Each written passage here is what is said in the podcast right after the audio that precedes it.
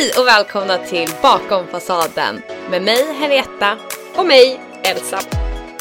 Bakom fasaden är din podcast om arkitektur, design och allt däremellan.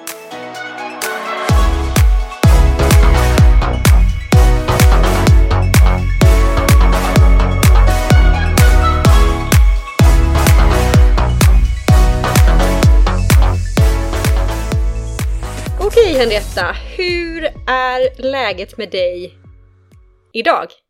Eller nu? Just nu, eh, eh, ja det här är ett förinspelat avsnitt så när det väl sänds så tror jag läget kommer vara jättebra. För då tror jag jag kommer ligga på en liten solstol eller kanske stå och kolla på ett bröllop i Gud, härligt. Nairobi. Eller kanske se en elefant eller någonting. Vi får se. Jag kommer i alla fall vara bortrest när det här avsnittet kommer. Eh, men just nu är jag i snöiga Sverige och eh, lever också mitt bästa liv här. Härligt, härligt. jag är väldigt positiv. Hur är allt med dig? Nej men det är bra med mig också. Det, det är lite grått men det är så det är den här tiden. Det är liksom, eh, jag känner mig nästan, jag blir mer trött på mig själv av att jag klagar på att det är grått än att det är grått. För att det är liksom, man klagar på samma gråhet varje år. Så att det, Mm. jag känner bara att eh, jag är typ trött på att klaga på det. Så jag klagar inte på det.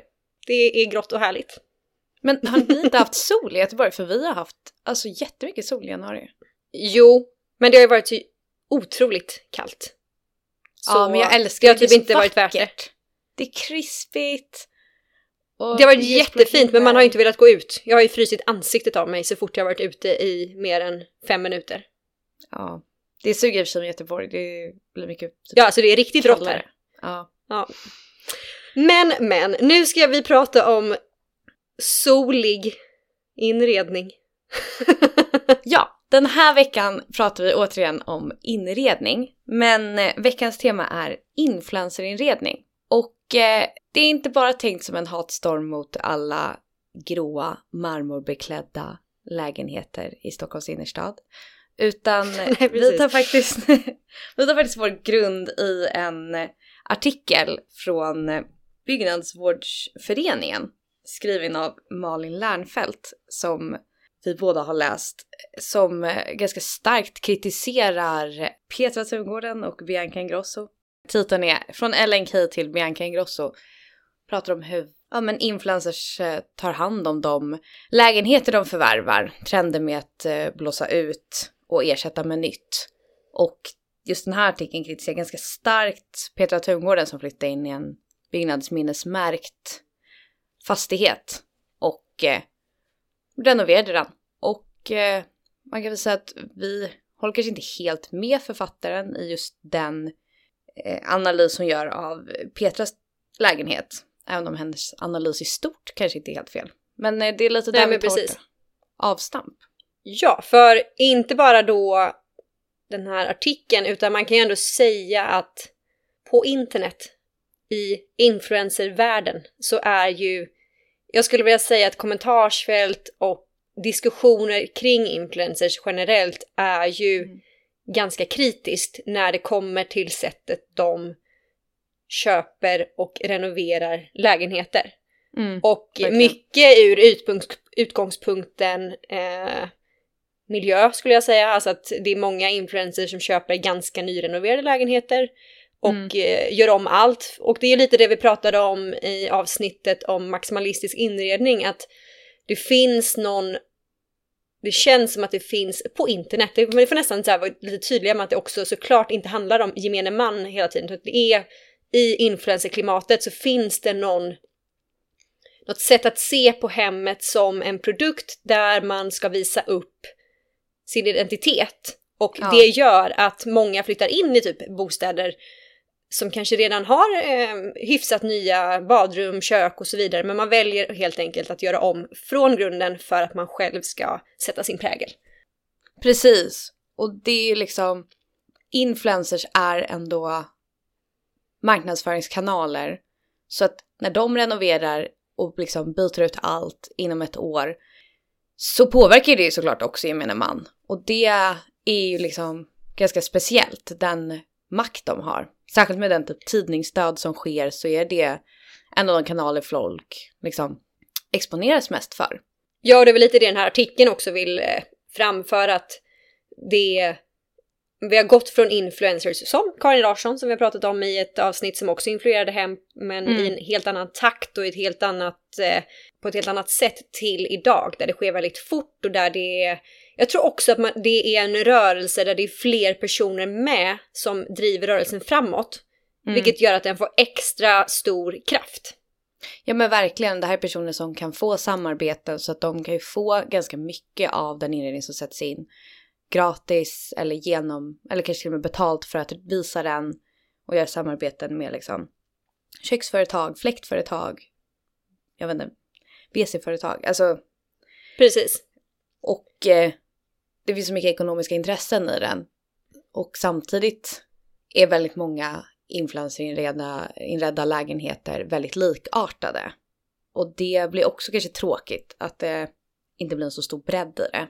Ja, och det är väl lite där vi vill ta då avstamp idag. I dels den här kritiken, i diskussionen kring att inreda hem, men också ta upp exempel på hem som vi faktiskt tycker har gjorts på ett väldigt, alltså som vi uppskattar och där man också har kanske tagit tillvara på vissa eh, arkitektoniska förutsättningar som fanns från början och man har valt att lyfta dem och man har, ja men det här är, vi kommer prata om främst tre hem men även tre influencers då som vi tycker väldigt mycket om i deras skapande. Precis. Så det är lägenheten där vi tycker de har lyckats när det kommer till inredningen. Och sen får vi diskutera lite om tillvägagångssättet också. Det finns ju både Exakt. fördelar och nackdelar med det de har gjort. Sen vill vi bara som vanligt påminna om att innan ni börjar lyssna nu så får ni gärna gå in på Instagram och kolla på bilderna vi lägger upp där. Vår Instagram är bakom fasaden podcast så ni kan hänga med lite bättre vad vi pratar om och få en mer helhetsupplevelse och en visuell upplevelse av det vi pratar om. Så eh, gå in på Instagram och kolla och sen fortsätt lyssna på avsnittet.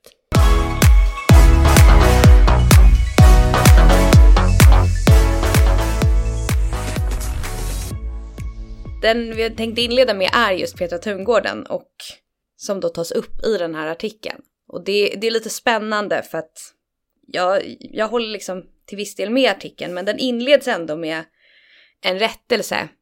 Vilket jag tycker är liksom, det säger lite hur väl författaren hade läst på. Och jag tycker också om bara generellt klimatet, så här, det finns ju ändå, folk gillar att hata på influencers. Det tycker jag ja. också visar tydligt på att man väljer inte att ta reda på fakta innan man skriver, utan man, väl, man blir bara så arg att man bara vill hata och skriva hat. Så att ja. det är det som eh, är det första som kommer ut på något sätt. Ja, precis. För det hon då har skrivit är liksom, ja men Petra Tugården köper en lägenhet, den är en minnesmärkt fastighet som är blåklassad, liksom det högsta skyddet i Stockholm. Och så har väl Petra skrivit någon sorts inlägg om att så här, nu har vi köpt den här lägenheten, vi ska totalrenovera, blåsa ut allt, eh, ändra planlösning. Och det här tar då artikelförfattaren ordagrant och är så här, ja, det här är blåminnesmärkt och det är ett jättevackert tak i den här lägenheten som liksom man inte får röra och att hon blir väldigt kritisk direkt mot Tungården och är så här, hon har bara rivit ut allt och förstört lägenheten. Sen Vilket kommer... också är förståeligt på sättet hon har skrivit. Så att, alltså jag är verkligen med på båda håll men... Ja. Precis, men sen framkommer det då i rättelsen att eh, Petra har liksom eh, sökt bygglov, fått ha med en antikvarie för att det behövs när det är den här typen av blåklassade fastigheter. Och om man följer hennes blogg, vilket jag har gjort och du också har gjort till viss del Elsa. Ja men precis, ja. Då kan man också se hur lägenheten såg ut innan och det var ju liksom inte en lägenhet som var inredd i den stil som var när huset byggdes och som var välbevarad utan det var liksom ett... Nej, verkligen inte. Man hade gjort om planlösningen som tidigare, man hade satt in liksom ett kök typ på 90-talet. Det var liksom eh, helt galna färger på väggarna. Och absolut, Petra inredde den efter dagens ideal och den kanske var inredd på 90-talet då efter dåtidens ideal. Men i mina ögon så tog hon fram en färgpalett som liksom framhävde det vackra bråklassade taket. Gjorde färgsättningar Precis. i rummen som tog fram kakelugnarna. Och sen absolut, hon bytte lite funktioner på rum, men tidigare var det liksom ett barnrum med en loftsäng som man hade byggt för den jättevackra kakelugnen. Medan hon tog fram den och lät den stå fritt. Ja, jag skulle vilja säga att det är det jag tycker Petra är väldigt duktig på. Att liksom just få fram detaljer i de rum hon skapar. Alltså de här som du Mm. säger, hon eh, gör mer utav rummet än vad det var från början på något sätt. Jag vet inte, eh, hon, ja, men hon är väldigt duktig på, som du säger, färg och kombinera färg så att de förstärker varandra. Mm. Nej men verkligen. Det, det är liksom om man kollar på typ hennes ja, men vardagsrum i den här lägenheten så är det liksom gult från början. Vilket klaschar ganska mycket med det liksom, det, huset är från 1880-talet. Det är liksom lite gotiskt och romantiskt. Och när hon lägger in då en blå ton så då plockar hon nästan upp färgerna som finns i en stor kakelugn i rummet och komplementerar liksom det här äh, trätaket med målningar. Det liksom verkligen lyfter fram de aspekter som redan finns. Precis. Sen absolut, hon har inte valt en färg som var poppis på 1880-talet. Det är liksom ingen eh, restaurering. Det kan man inte anklaga det för. Men Nej, men det lyckas ändå framhäva, de elementen som är kvar från den tiden, kakelugnarna och taket, de framhävs på ett helt annat sätt än vad det var från början. Så jag tycker verkligen, alltså det är ett lyft för originaldetaljerna på något sätt. ja, precis, det håller jag helt med om. Och det jag också tycker är kul med henne, lite som vi pratade om i det här avsnittet om maximalistisk inredning. Hon är, def- hon är definitivt inte maximalistisk, men det är ändå lite det här liksom som typ Ilse, Ilse Crawford jobbar med att hon har en färgskala som är ganska sammanhängande men sen skapar hon ändå små blickfång och små stilleben som också ger liksom ett intressant element till, till rummet. Alltså både i sig själva som objekt men också i helheten skapa något mer. Sen är hon ju, och jag vet inte, jag kan inte svara på hur den här lägenheten såg ut från början. Men något hon gör och som hon har gjort i, tror jag, tidigare eller även, jag tror även i sin nuvarande lägenhet, är ju att hon sätter in stuckaturer. Och det är, jag vet inte, det kanske fanns exakt sådana här stuckaturer innan, kan, jag kan inte uttala mig om det. För jag Nej. vet inte. Men det är en liten, ehm, jag vet inte vad jag tycker om det. Generellt. Generellt nej. Eh, I det här fallet jättefint. Men... Ja, det är det är svårt att säga att så här, eh, jag har lite svårt att säga något om hennes stuckatur för jag tycker den här lägenheten passar det. Den är, det skulle liksom kunnat varit där från början. Det är en lägenhet som är från den tiden av liksom ganska Exakt. svulstig inredning och liksom där man originalt har jobbat med liksom mycket detaljer i alla möten. Men, och det är sådana typ infattningar runt dörrar och eh, öppningar. Så jag tycker inte det är så konstigt att lägga till det där. Men generellt kan jag också hålla med om att det är många, kanske då influencers, som sätter in stuckaturer bara för att de tycker stuckaturer är fint. Men liksom inte tittar på vilken typ av rum det är och om det faktiskt passar där. Och väljer kanske en ganska stor modell av stuckatur som inte passar i ett litet rum. Som kanske hade kunnat Och man låter ju som världens tråkigaste person. Men alltså jag tycker inte att man får inte göra så faktiskt. Nej, och det där är en svår avvägning för lika mycket som man kan säga så här, ah, jag gillar att Petra Tungården är fri och bara väljer en Mm. färgskala som komplementerar på ett modernt sätt, eller ett samtida sätt. Så är det ju också lite det, hur fri får man vara i en sekelskifteslägenhet? Får man sätta in vilka stuckaturer man vill liksom? Ja, det är en hårfin gräns. Det är det ju verkligen. Alltså så Mm. man skulle kunna gjort liknande vad hon gör och det hade blivit fel. Alltså så. Mm. Det krävs ett noga detaljtänk tror jag för att man ska liksom lyckas. Och att man är duktig. Hon är ju otrolig på... Jag tycker Peter Tungården är typ en av de bästa vi har i Sverige på färgform och mönster och liksom inredning. Hon har ju gjort ett nytt kontor för hon har ett klädmärke som heter Adore som eh, säkert många vet om. Och det nya kontoret de har där, alltså Ja, det, det tycker fint. jag är, det är helt otroligt faktiskt. Alltså det Ja. är färgskalan, mönster, alltså hon vågar jobba med färg och inredning på ett sätt som inte är så svenskt och som jag skulle säga går väldigt mycket åt det italienska. Man kan se väldigt mycket italienska referenser i sättet hon inreder tycker jag. Ja, verkligen. Nej, jag tycker Adores eh, huvudkontor är jättefint inrett. hon får verkligen till det där. Ja, och det som är kul med det kontoret är att det finns många val som jag, om jag skulle ha gjort dem själv så skulle jag inte trott att det hade varit fint, eller man ska säga. Men när man ser det i sin helhet så är det eh, fantastiskt. Det är till exempel ja, men sättet hon har, hon har väldigt mycket mönstrade gardiner och det är hon väldigt modig i Mm. valet av mönster. Mönster som jag tror att de flesta kanske hade tänkt att det var så här, nej det skulle man inte ha som gardin. Men Mm. det är ganska retro, italienskt inspirerat skulle jag säga. Men den gardinen tillsammans med de andra färgvalen och materialvalen hon har gjort blir liksom helt otroligt. Ja, nej men jag håller med. Hon jobbar mycket med liksom nyanser av samma färg. Alltså att hon har Japp. grönt i några olika skalor. Hon har också eh, rött och rosa liksom som går i samma toner. Vilket tillsammans blir väldigt fint. Men också mycket konst, alltså så här poppande färger, mycket starka färger, mycket, Ja men precis. Och sen är det liksom grejer som poppar till det typ. ja, Nej, jag tycker verkligen att eh, där har hon eh, lyckats.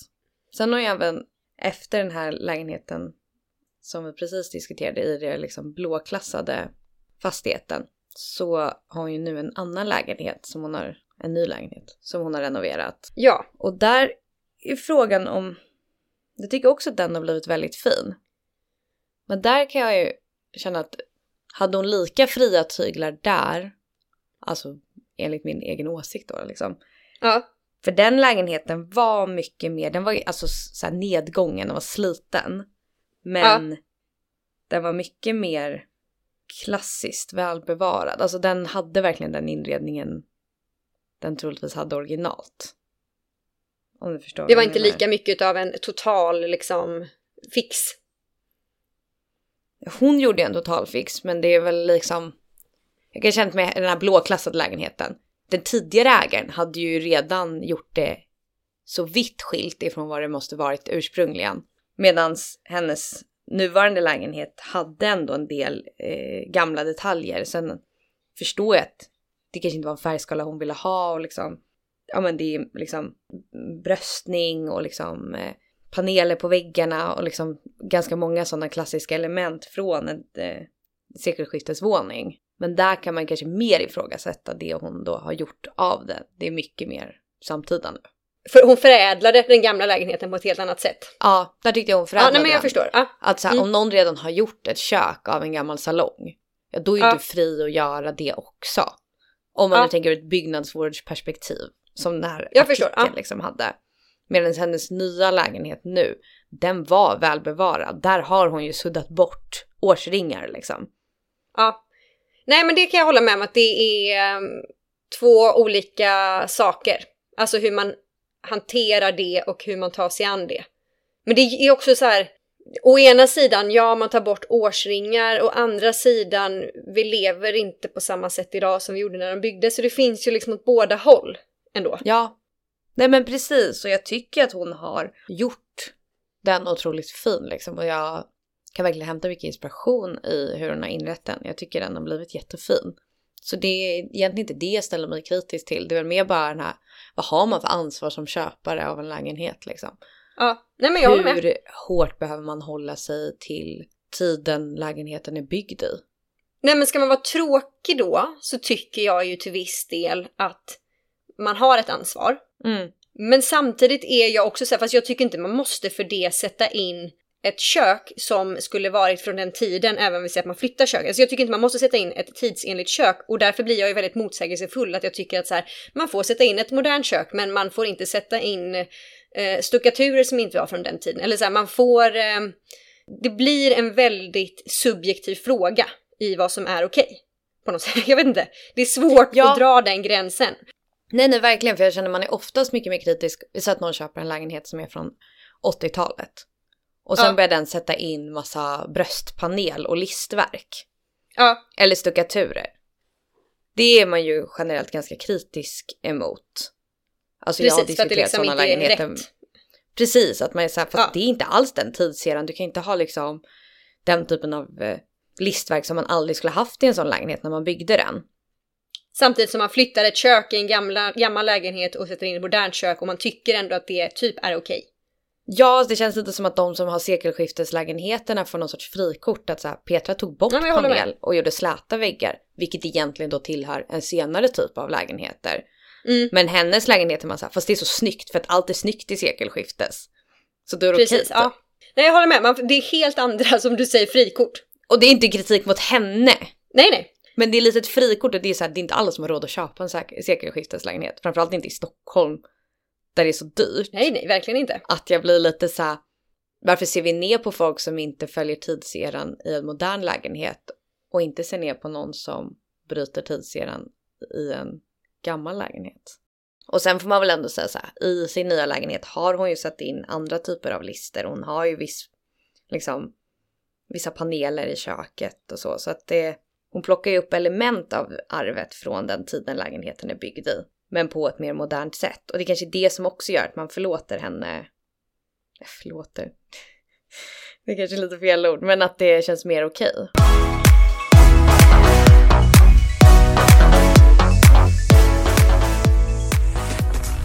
Men sen om man ska gå in på det man kan inspireras av henne så skulle jag nog ändå säga även i den lägenheten är det ju också färgsättningen hon lyckas så himla bra med.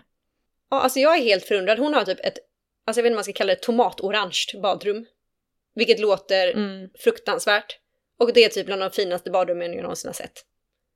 Alltså det är, hon, som jag sa, hon har liksom någon form av öga för grejer som jag själv aldrig skulle ha valt. Och sen när man ser helheten så är det jättefint. Mm. Nej, men hon vågar verkligen med färg och kombinerar det med andra material. För hon har väl då en ganska vacker marmorskiva i det badrummet och sen en träkommod. Precis. Och de komplementerar liksom den här äh, tomat, jag tror det nästan är putsat, om det kanske är tadelack. Ja, jag tror också det är någon sån liksom kalk åt det hållet. Mm. Så det är liksom en röd puts på väggarna. Och det ser ju ut som något italienskt lyxhotell. Och det är där jag tror att man inte heller får glömma grejen med mycket av det Petra gör. Både om man ser till hennes förra lägenhet, den hon bor i nu, är ju att det är otroligt påkostat. Såklart det är lättare att få till ett fantastiskt kök om typ du har alla val att... Sen är det inte alla, det finns många med mycket pengar som inte lyckas inreda. Så pengar är inte lika med liksom smakfullt och snyggt, men Nej, nej. det underlättar. Om vi säger så. Precis. Ja, och det är väl lite som det vi sa att en sekelskifteslägenhet är mer förlåtande. Det, det blir ju en ekonomisk fråga också. Ja, man har möjlighet att ta ut svängarna på ett annat sätt. Precis. Samtidigt skulle jag säga att det är så många influencers som inte tar ut i svängarna och att hon verkligen gör det och lyckas säger nog ändå mer om henne än om hennes ekonomi. Nej, nej, absolut. Och det är det jag menar. Det handlar ju, det finns jättemånga som har- möjlighet att renovera på samma sätt och som inte gör det då i min mening lika snyggt. Så att inte bara, men det är ändå en stark bidragande faktor. Mm. Jag menar den marmorskivan alltså, som är helt otrolig som hon har i det här då tomatorangea badrummet. Badrummet hade ju inte upplevts på samma sätt utan den till exempel. Och den är ju typ, jag tror till och med att det är så här ett enda stort stenblock. Ja, ja, men precis. Det, det är ju otroligt liksom exklusiva stenar. Det hade inte funkat att man hade liksom gjort ett do it yourself-projekt och sen köpt någon kommod från Ikea och slängt in och känt så här wow, det ser ut som ett italienskt hotell liksom. Exakt, det är det jag menar.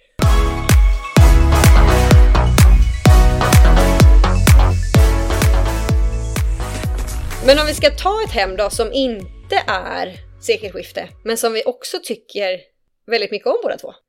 Så är ju det Elin Skoglunds.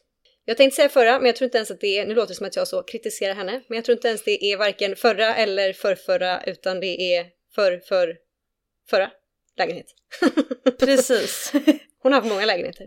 Ja, och jag tror att det här var väl den lägenheten där hon liksom eh, gick från att vara en bloggerska till att bli en inredningsinfluencer. Ja, men det skulle jag nog säga. Det känns som att hon verkligen fick visa upp vad hon kan där. Precis. Jag skulle faktiskt också vilja gå så långt och ge henne cred till att vara den första, eller inte den första kan man väl inte säga, men vara den som gjorde typ träpanelväggen stor.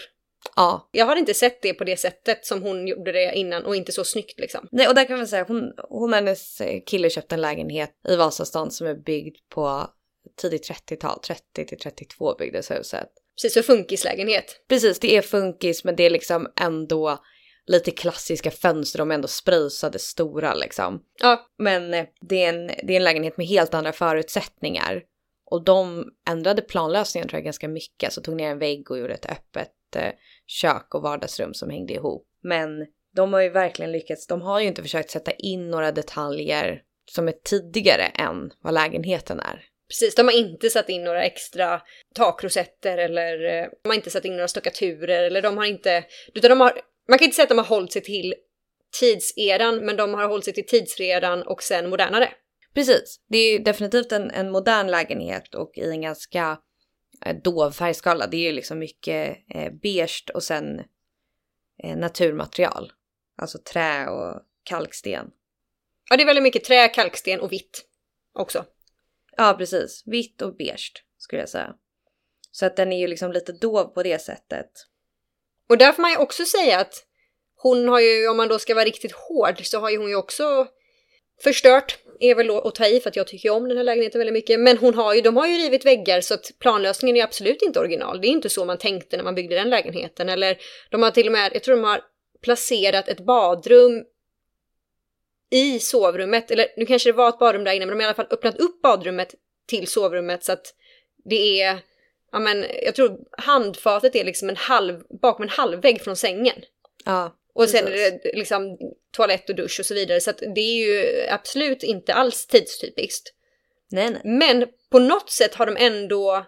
Jag tycker de har lyckats göra en inredning som ändå är respektfull mot lägenheten. Ja. För att vara så totalrenoverad. Men jag tror nyckeln ligger i det du sa med naturmaterial. Att det är trä, det är sten och sen är de här ljusa väggarna. För det är exakt det som funkis består mycket av. Det är trägolv, Mm. det är sten i fönstren. Sen har de satt de materialen på andra ställen, men det liksom är som att själen av det här med eh, gedigna material finns kvar. Ja, och jag tänker också funktionalismen handlade mycket om att skapa liksom ljusare lägenheter.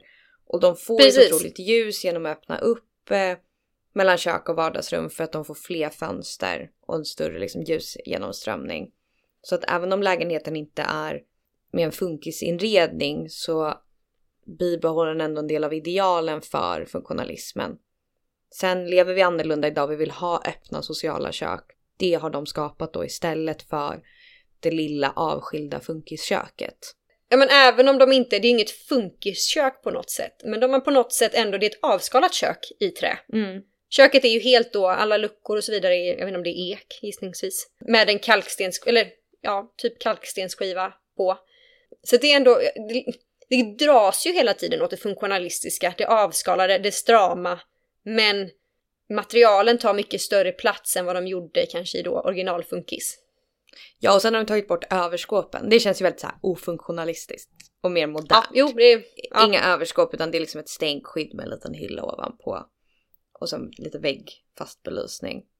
Men eh, jag tycker också hon, det här är en lägenhet som är mycket mer sammanhållen om man jämför med Petra Tungårdens stil.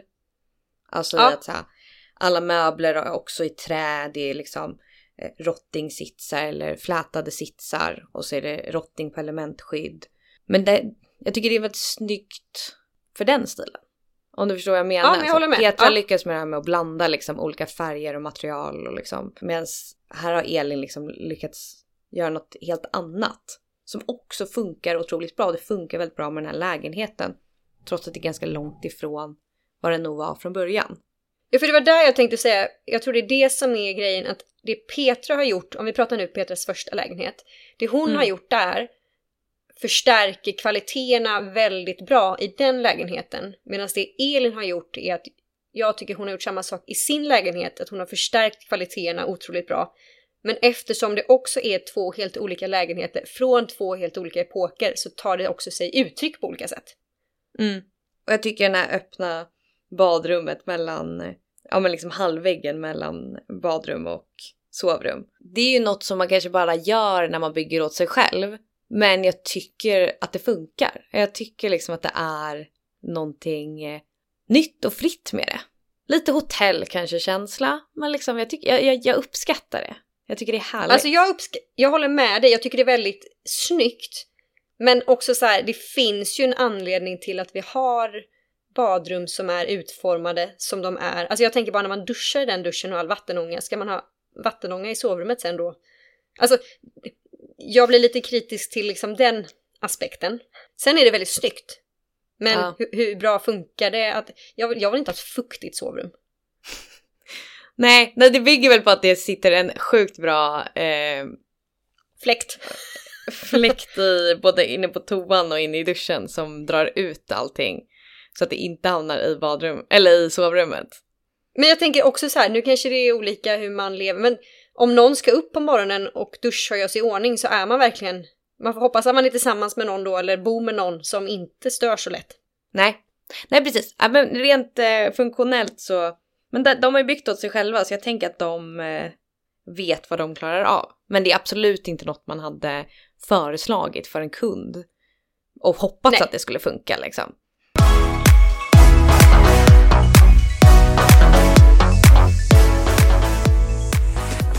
Sen tycker jag något som ändå var roligt när hon höll på med den här lägenheten, om man då jämför med Petra Tungården där det är så här, det är en svår smak att anamma med en begränsad ekonomi. Ja. Så tycker jag att Elin, hon hade, kom ju ändå med ganska mycket så tips. Jag tror de byggde så här elementskydden själva. Hon visade hur de gjorde det.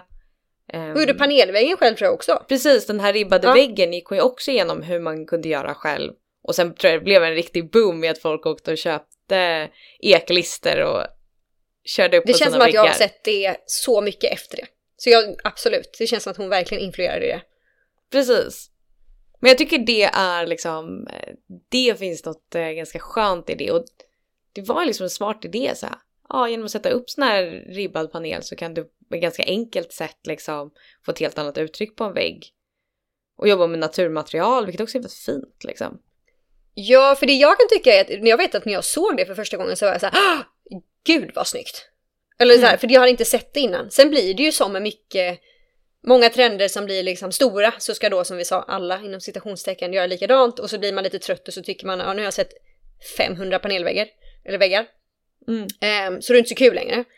Men alltså det är någonting, jag tror att den är så väl välgjord hennes och att det inte bara är så här vi sätter bara in en panelvägg och sen är resten liksom i någon helt annan stil utan jag tror det är att allt är så sammanhållet då med köket, med den här panelväggen, att, den åt, att det är både ändå ribbad vägg i vardagsrummet men också i eh, sovrummet. Alltså helhetskonceptet är så välgjort att den eh, ribbade väggen är jag inte trött på. Jag tycker fortfarande den är fin. Nej, och jag håller med och väggen har också en rundning vilket jag generellt kanske inte tycker är liksom funkar överallt eller kan kännas lite eh, övergjort på många ställen. Men i den där Mm. lägenheten som är ganska kantig, det är liksom en kantig öppen spis, eh, det är burspråk i fasaden som man ser då i eh, vid matplatsen som också är kantiga. Tycker jag den runda väggen också kommer in och avlastar kantigheten och tillsammans med trät liksom det blir som ett mjukt element i rummet. Jag håller med och sen är det ju också, rundade väggar var ju också element i funkishus och funkislägenheter så det, jag tror det Mm. är det också, att det liksom passar in. Det känns som att det, det känns som, en naturligt, som ett naturligt element. Nej, nej men verkligen. Så att eh, jag tycker hon har lyckats bra där.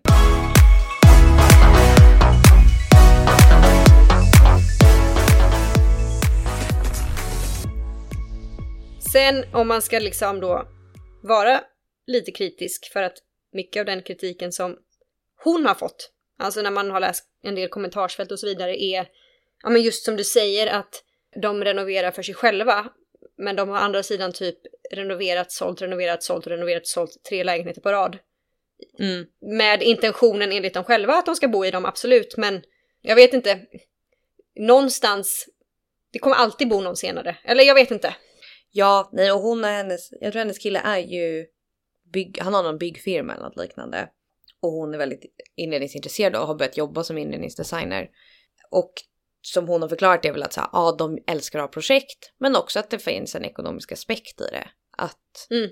genom att de renoverar, köper renoveringsobjekt, renoverar dem och sen säljer dem så tjänar ju de pengar på det. Och då kan man ju tänka att man kanske inte ska göra sådana liksom bold val. Men sen tycker jag också, och det kommer vi komma till lite senare när vi kanske pratar om Henrietta Fromholts lägenhet som är nästa då. Eh, jag liksom, det är som att så här, kritiken mot influencers, att de köper, blåser ut, renoverar, tar bort saker som är nytt. En del influencers då använder ju som motargument till det här att eh, ja, det gör vi, men vi renoverar för oss och för ett hem vi ska bo i länge och för att det ska passa oss. Så att det är liksom Mm. argumentet då. När det i väldigt många fall är så här, ja och sen flyttar man efter något år. Alltså det blir ett väldigt konstigt argument då. Sen Ja. förstår jag att livet ändrar sig, man kan inte veta exakt vad som ska hända, men, men, det blir, men använd inte det som ett argument då. Säg bara att du vill renovera. Ja, det är väl lite det jag kan hålla med om. Alltså att det, för jag är lite kritisk mot det resursanvändandet det blir och hur snabbt det går. Och då önskar man väl att antingen får man vara ärlig med det liksom. Exakt, och bara säga För då är nej, det jag kanske det. lättare att inse själv. Ja, precis. Och här, ja, det där är, alltså, det är ens jobb liksom. Det är väl klart att så här, jag inte står till svars för allt jag ritar i mitt jobb. Mm. Om jag bara ser det som ett jobb. Men ser det som att så här, nej men mitt eh, livsmål är att eh, rädda klimatet. Nej, men då kanske inte jag ska sitta och rita lyxlägenheter. Och, och det är väl lite det jag känner att de hade kunnat möta kritiken så. så här, nej men jag jobbar som inredningsinfluencers, influencer. Jag och min kille låter en stor del av vår ekonomi bygga på att vi köper och säljer lägenheter som vi fixar upp. Ja, då är det ditt jobb. Alltså så här, säg det. Eller jag, jag personligen hade nog uppskattat den ärligheten mer kanske. Ja, det är nog det jag känner också, att det blir så himla så här. Ja, det blir, jag tycker inte det är ett, håll, argumentet håller inte.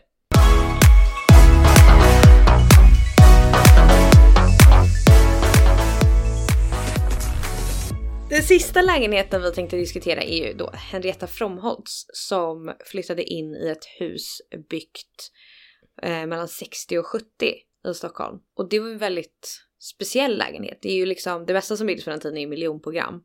Men det här är ju definitivt inte en miljonprogramslägenhet.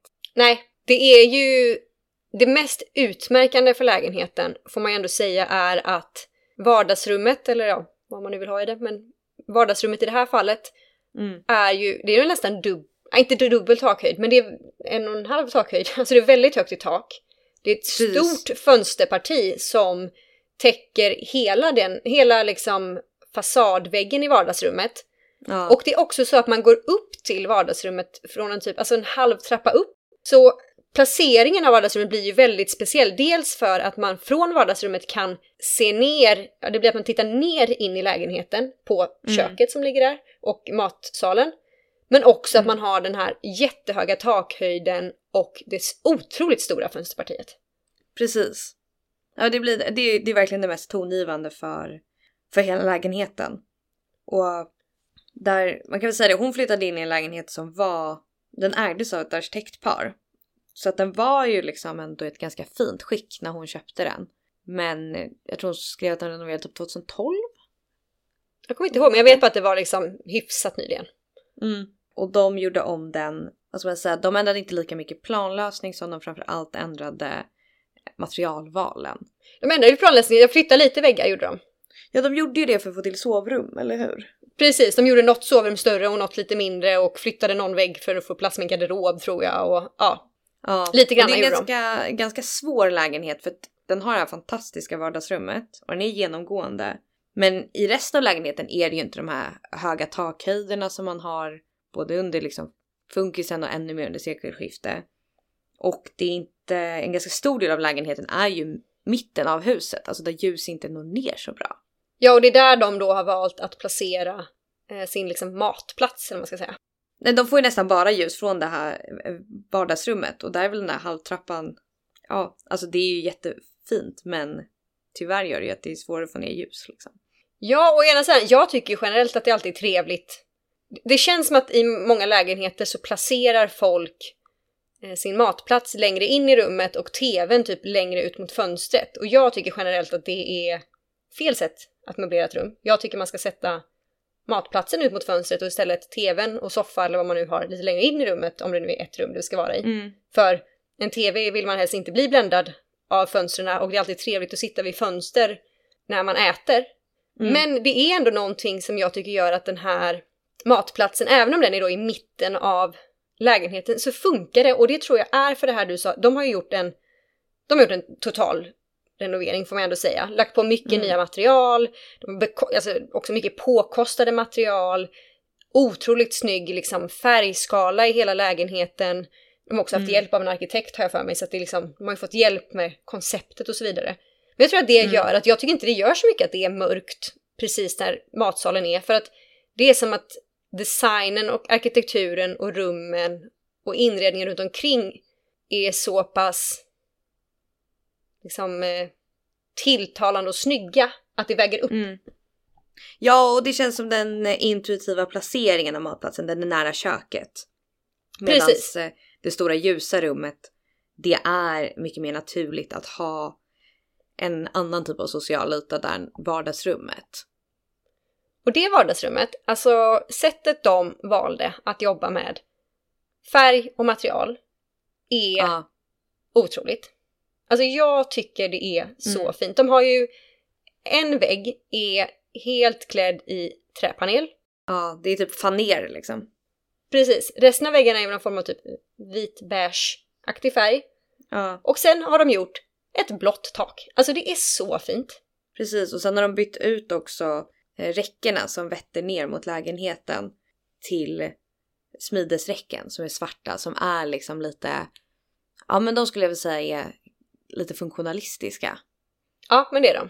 Och eh, plockar också upp liksom hur indelningen av fönstren ser ut. Och fönstret också har liksom svarta karmar. Det är väldigt grafiskt allting. Alltså rummet Ja. blir väldigt grafiskt med de här olika färgerna, med det svarta, med mönstret. Alltså det, jag tycker det är ett helt otroligt rum. Ja, och det lyckas verkligen att fånga upp det här. Alltså det är lite svårt kan, ibland med att få 60-tals inredning att funka i en nutida kontext. Exakt. Men jag tycker det här faneret känns nästan lite 70-tals men ändå Mm. modernt och slik. Och smidesräckena liksom funkar också. De känns inte historiserande för att de plockas ändå upp i fönstren. Sammantaget blir det liksom väldigt snyggt och det känns både som att de har hedrat liksom tiden lägenheten är byggd i samtidigt som den känns samtida idag. Ja men jag håller med, för jag tror att det är just det som gör det så lyckat, att det känns som att de har inte jobbat mot tidsepoken utan med tidsepoken. Ja, De har verkligen så här, okej, vad är det som är framhävande? Jo, det är de här fönstren. Hur kan vi framhäva dem mer? Hur kan vi jobba med det här? För ofta när det då blir lite nyare, som runt typ 60, 70, 80-tal, så kan det passa att vara ganska grafisk, ganska avskalad, men i mycket färg. Alltså det är det här, mm. det liksom skapar geomet- geometri på något sätt istället. Ja. För det blir liksom inte dekoration utan det blir istället någon form av geometri som blir eh, uppiggande. Ja men verkligen. Nej, och det, det är det de har varit duktiga på och det är väl det som kännetecknar den arkitekturen för den tiden också. Exakt, ja ja. Så där tycker jag de lyckades. Sen är det väl även här, fick, alltså även här är det väl samma liksom, diskussion man kan ha som i de eh, tidigare projekten att det är en totalrenovering av en lägenhet som var i ganska fint skick, som var ganska välrenoverad sedan tidigare. Och jag vet att hon fick ju också mycket kritik på sin blogg. För att Jo, för skulle jättemycket renovera- kritik. Framförallt tror jag det var när de skulle renovera köket för att hon hade skrivit Ja. så här, ah, det är från 2012 så det lever inte upp till den standarden vi vill ha.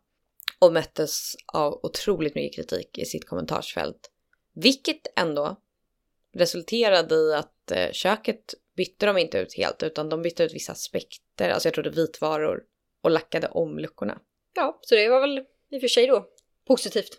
Så det kan vi se som positivt. Sen är det väl också där så här, ja men de renoverade för att de skulle bo där, göra det till sitt eget. Det är en väldigt personlig lägenhet. Det är inte hundra att alla skulle uppskatta den inredningen. Nej, för även typ sovrummet är ju målat i en, deras så här, master bedroom, säga, det är ju målat i någon form av typ laxrosa färg. Ja, Eh, och jag tror att barnrummet är målat i en, det är gult. Och, och såklart man kan ju alltid, det är inte liksom den största ingreppet att måla om en lägenhet, men det är ändå, det är ändå att sätta en väldigt personlig prägel på någonting när man väljer så extrema färgskalor. ja jag tror att den laxrosa färgen matchades med en vinröd heltäckningsmatta. Vilket var Just- jättesnyggt. Jättesnyggt, det passade jättebra ihop men det gör det ju svårare att måla om. Alltså hade det varit ett vanligt parkettgolv så är det så här, ja, ja, jag vill inte ha rosa, jag målar det blått istället. Men Precis. det kan vara svårt att hitta en färg som matchar den heltäckningsmattan. Så att det är ju inte en lägenhet som jag skulle säga är så generellt inredd. Och där är väl lite synd att de sålde den så snabbt. Men det är också typ därför den funkar. Alltså det är typ Ja. därför den funkar, för att den inte är... Det hade varit så tråkigt om den lägenheten hade haft parkettgolv i alla rum, typ vita, beiga väggar och sen bara, jag vet inte vad jag ska säga, vanlig inredning. Alltså det hade... Alltså då den hade varit tio gånger tråkigare. Ja, jag tycker det är, det är en så speciell lägenhet att de har gjort den något värdigt. Jag tycker verkligen det. Men det är väl igen att vara ganska, det blir ju hela tiden det här, okej vad är okej då? Vad är att vara värdig? Det är ju en subjektiv åsikt såklart. Men nu är vi ändå två som tycker det, så då stämmer det. Vi är ändå utbildade i frågan. Exakt, så vi säger att bra gjort.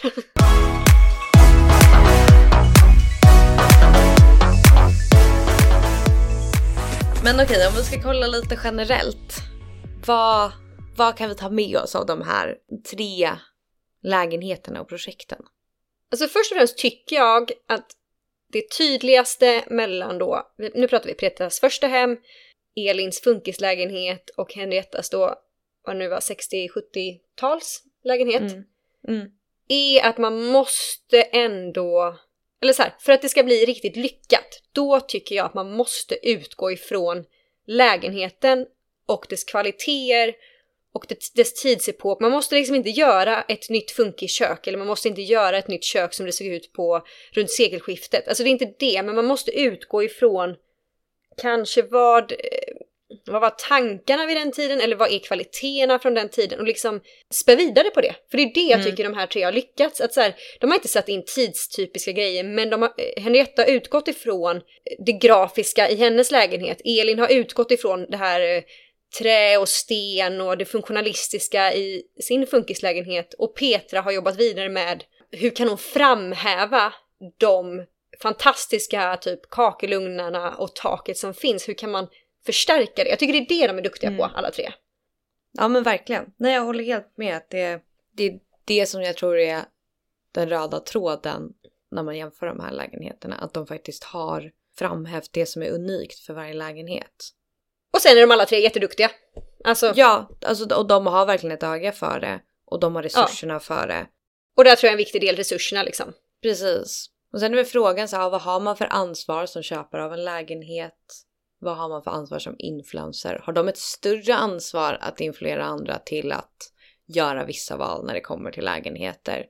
Det är svårt för jag kan typ vara kritisk mot alla dem att det ändå är så pass omfattande renoveringar och vad är det för typ av resurshantering? Samtidigt är det Absolut. så här, inredningsmagasin inspirerar ju hela tiden och de inspirerar ju inte genom att folk är fega och bara gör små ingrepp. De inspirerar ju för att folk tar stora grepp över lägenheter eller hus och gör någonting helt nytt som man kan försvara med att ja men det är ju här för inspiration för så många människor. Precis som ett uppslag i ett modemagasin.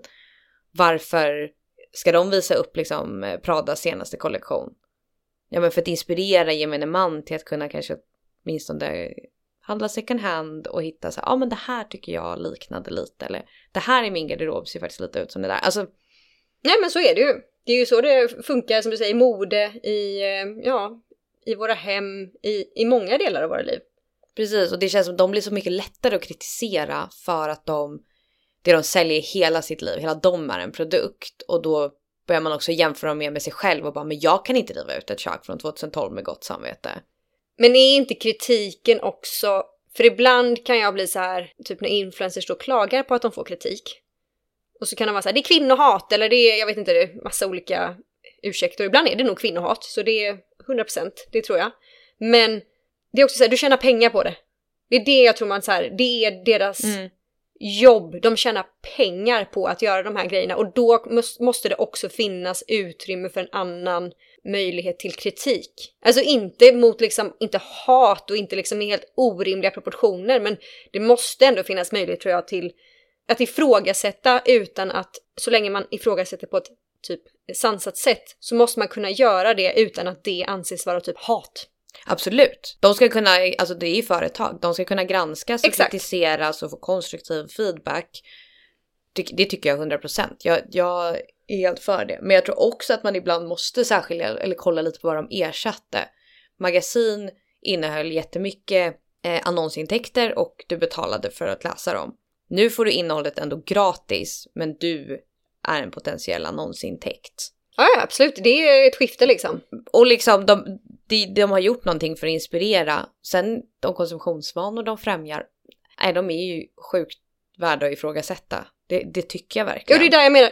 Det måste få finnas då ett utrymme att ifrågasätta dem. Sen är det inte som att eh, de inte får göra det de gör och så vidare. Men det måste bara finnas ett utrymme för att man ska kunna föra en diskussion kring vad är rimligt och inte rimligt. Sen vad de gör är en annan sak. Men jag Mm. tror ändå att...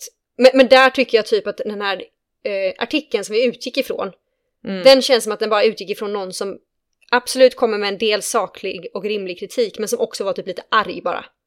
Och så bara ville Ja. få... För hon hade ju inte tagit reda på all fakta innan hon ens hade börjat med...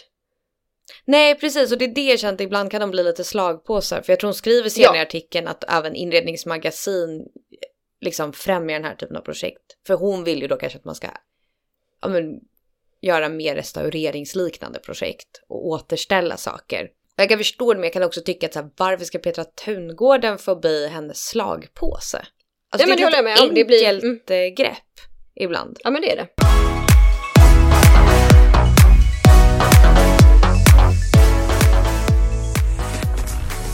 Okej, men om vi ska avsluta det här avsnittet med att dela med oss av någonting som vi vill tipsa om. Vad, vad har du den här veckan, Henrietta? Ja, jag har eh, en podcast som jag vill tipsa om. Som jag lyssnar på. Okej. Mm. Jag fick typ upp den på Instagram. Själva podcasten heter Tangents by Out of Architecture. De har någon Instagram som heter Out of Architecture. Och jag tror att det är någon sorts community för typ arkitekter som har valt att jobba i mer angränsande branscher. Alltså använda sin arkitektutbildning till någonting annat än renodlad eller Ah, klassiska ja. arkitektyrket. Jag tycker att det här kan vara ganska intressant för just nu är det ju liksom ganska dåliga tider i arkitektbranschen. Det finns många som söker sig till andra banor och jag tror att det här kan vara ganska inspirerande. Sen är det, det är ett amerikanskt community så jag vet inte exakt hur väl det appliceras på den svenska marknaden. Men eh, avsnittet heter What if we were the decision makers? Och eh, då har de med en eh, arkitekt som heter Rafael Robles som har liksom, ja men han började som arkitekt och sen har han haft en superintressant bana där han har eh, jobbat som mäklare inom eh, fastighetsutveckling och sen hamnat på någon typ av tankesmedja slash konsultbolag som jobbar liksom tvärdisciplinärt och slutligen startat ett eget företag med sin bror som är samhällsvetare. Och de har också en invandrarbakgrund så att de eh, väljer idag att jobba med projekt som jobbar just med minoriteter i USA. Och ja, men det var ett superintressant avsnitt och dels höra liksom hans lite brokiga bana men också han hade väldigt starka idéer om hur man med en designutbildning kan jobba inom väldigt mycket annat för man har ett så bra tänk kring innovation och liksom problemlösning på ett helt annat sätt än vad man får med sig för många andra utbildningar.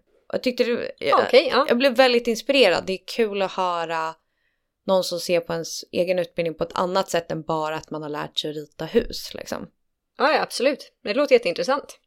Och framförallt som du säger, i de tiderna som vi är, men också generellt bara att eh, jag tror att det är nyttigt i många branscher att tänka att man kan eh, utvecklas åt många håll vad man än har pluggat och då kan det Mm. vara intressant att ja, men höra hur någon annan har gjort. Verkligen. Ja, så det, det vill jag tipsa starkt om. Har du något tips för veckan? Ja, jag inser ju att eh, mitt tips förra veckan var ju typ Harry Potter-inspirerat. Och eh, mitt tips eh, denna veckan är också Harry Potter-inspirerat. Så det, det är nu det kommer fram att Elsa är en Potterhead. Exakt. And I'm not ashamed of it. Så.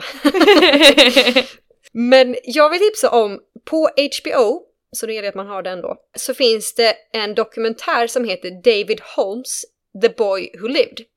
Och det är då en dokumentär om killen som var Harry Potter, eller Daniel Radcliffes stuntman. Eller han hade tydligen flera då, men en av hans stuntmän och kanske den främsta. Och som under inspelningarna var med om en olycka och i sista filmen till och med var med om en olycka så att han blev eh, förlamad från typ ja, bröstkorgen och ner. Oj. Och han har inte velat berätta om det här innan för att han har inte velat liksom han pratar lite men han har inte velat så här förstöra bilden av Harry Potter-filmerna och liksom han, det är så många så här unga som har kollat på dem och liksom tycker om dem så mycket att han har inte velat befläcka det på något sätt med sin olycka. Ja. Men nu då så säger han, nu har de flesta blivit gamla eller vuxna, så han bara, nu kanske ni kan ta det.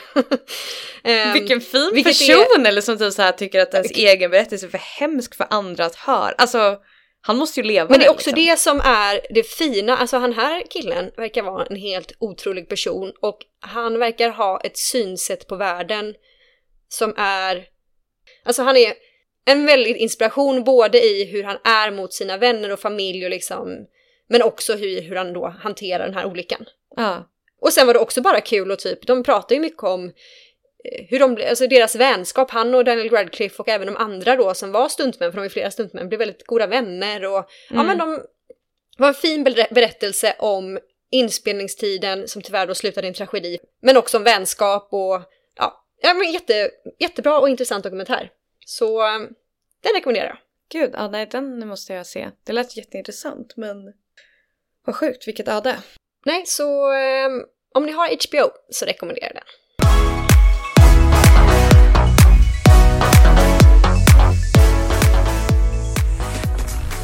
Nej, men eh, det var väl allt för oss den här veckan. Det var det. Tack för att ni lyssnar. Vi blir jätte, jätteglada. Och ni får som sagt gärna gå in och följa oss i valfri poddapp. Då blir vi ännu gladare. Ja. Och lämna gärna en kommentar eller skriv vad ni vill se mer eller mindre av. Det hjälper oss jättemycket. Det gör det. Men eh, då ses vi om två veckor igen och hoppas du har det underbart i Kenya nu då. Tack så mycket. Ja men, vi ses. Ja. hej! hej!